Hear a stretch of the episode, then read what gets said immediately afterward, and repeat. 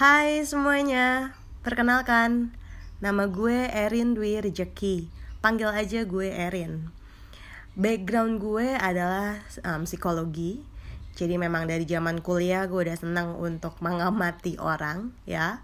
Kemudian gue kerja juga di dunia yang relate banget dengan orang Yaitu di HR Starting from being a consultant kemudian menjadi recruitment specialist di beberapa perusahaan dan juga belakangan menjadi HR generalist.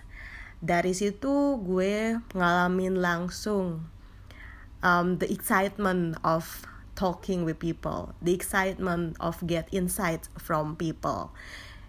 Banyak hal yang bisa gue dapetin cuman dengan ngobrol sama teman sekerja atau bahkan ketika gue interview kandidat-kandidat buat jadi calon karyawan di perusahaan-perusahaan gue yang dulu banyak hal yang bisa gue pelajari.